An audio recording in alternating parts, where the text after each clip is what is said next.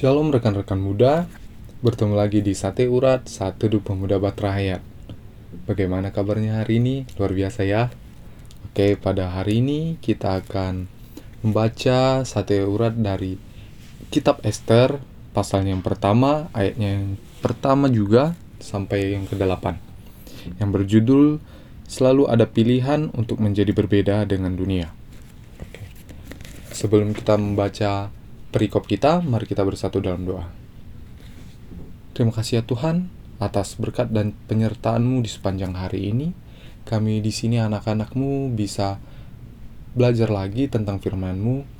Engkau berkati Tuhan apa yang kami baca nanti, agar kami dapat mengerti apa yang Kau katakan melalui firman-Mu ini Tuhan. Kami undang Roh Kudus hadir dalam hati kami agar kami dapat mengerti juga melalui Roh Kudus yang berkata dalam hati kami ya Bapak. Ya Bapak, hanya doa, doa anakmu dalam nama Tuhan Yesus Kristus kami sudah berdoa dan mengucap syukur. Amin. Oke.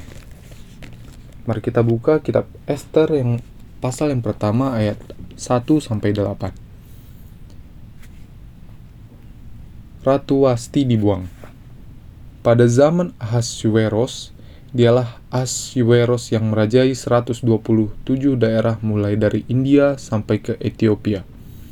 Pada zaman itu, ketika Raja Ahasuerus bersemayam di atas tahta dan kerajaannya di dalam benteng Susan, pada tahun yang ketiga dalam pemerintahannya, diadakanlah oleh Baginda perjamuan bagi semua pembesar dan pegawainya, tentara Persia dan Media, kaum bangsawan dan pembesar daerah hadir di di hadapan Baginda.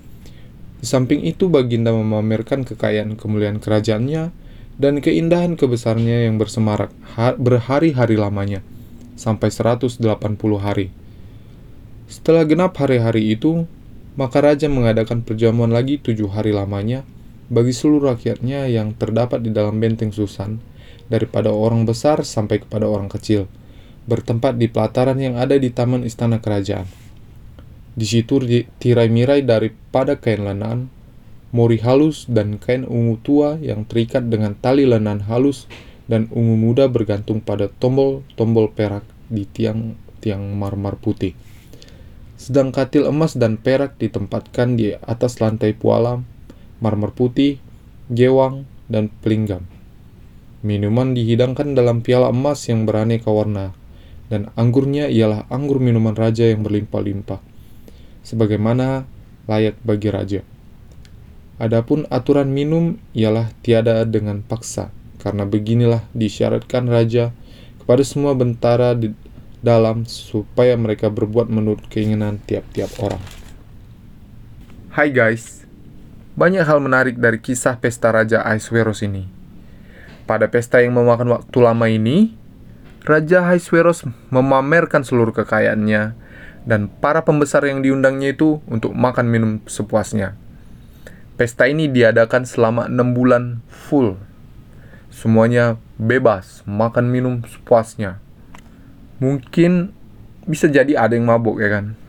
Nah, udah mabuk, pas pulang ke rumah jatuh masuk got. Ya bisa jadi. Atau sampai rumah mau tidur di tempat tidur malah salah. Tidurnya di kolong karena dingin, ya kan tapi, rekan-rekan muda yang terkasih, ayat 8 memberikan gambaran bahwa keputusan untuk minum atau tidak, atau minum sampai mabuk tralala atau enggak, sesungguhnya ada di tangan orang-orang yang diundang di pesta itu. Ada aturan minum, jadi nggak dipaksa. Terus ada pilihan dan orang yang berpikiran baik tentu tidak memilih untuk minum kalaupun minum nggak sampai mabuk sikit-sikit aja. Nah itulah namanya pilihan. Jadi di kehidupan sehari-hari sering kita hadapkan sebuah pilihan. Dunia banyak sekali kasih kita pilihan yang senang yang susah juga banyak lah. Tapi yang senang ini biasanya membinasakan ya kan? Tapi ya jadilah generasi muda atau anak-anak muda gereja yang berani memilih sesuatu yang baik dan berguna yang kadang membuat kita memang ya berbeda dengan dunia. Orang tua kita pasti senang juga.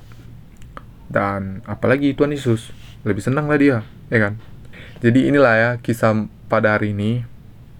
Jadi sebelum kita menutup bacaan kita dan renungan kita hari ini, ya mari kita bersatu dalam doa.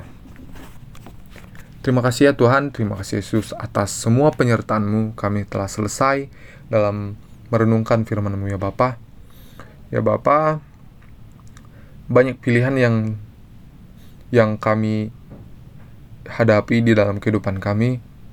Tuhan tolong bantu kami untuk bijaksana dalam memilih pilihan tersebut ya Bapak. Kami mau pilihan yang kami ambil yang terbaik buat kami yang tidak menjatuhkan kami ke dalam lubang agar kami selalu menjadi pribadi yang lebih bertumbuh dan menyenangkan hati Tuhan. Hanya ini doa anakmu di dalam nama Tuhan Yesus Kristus kami sudah berdoa dan mengucap syukur. Amin. Oke, sekian sate urat hari ini. Sampai jumpa di minggu berikutnya. Bye bye. Dah.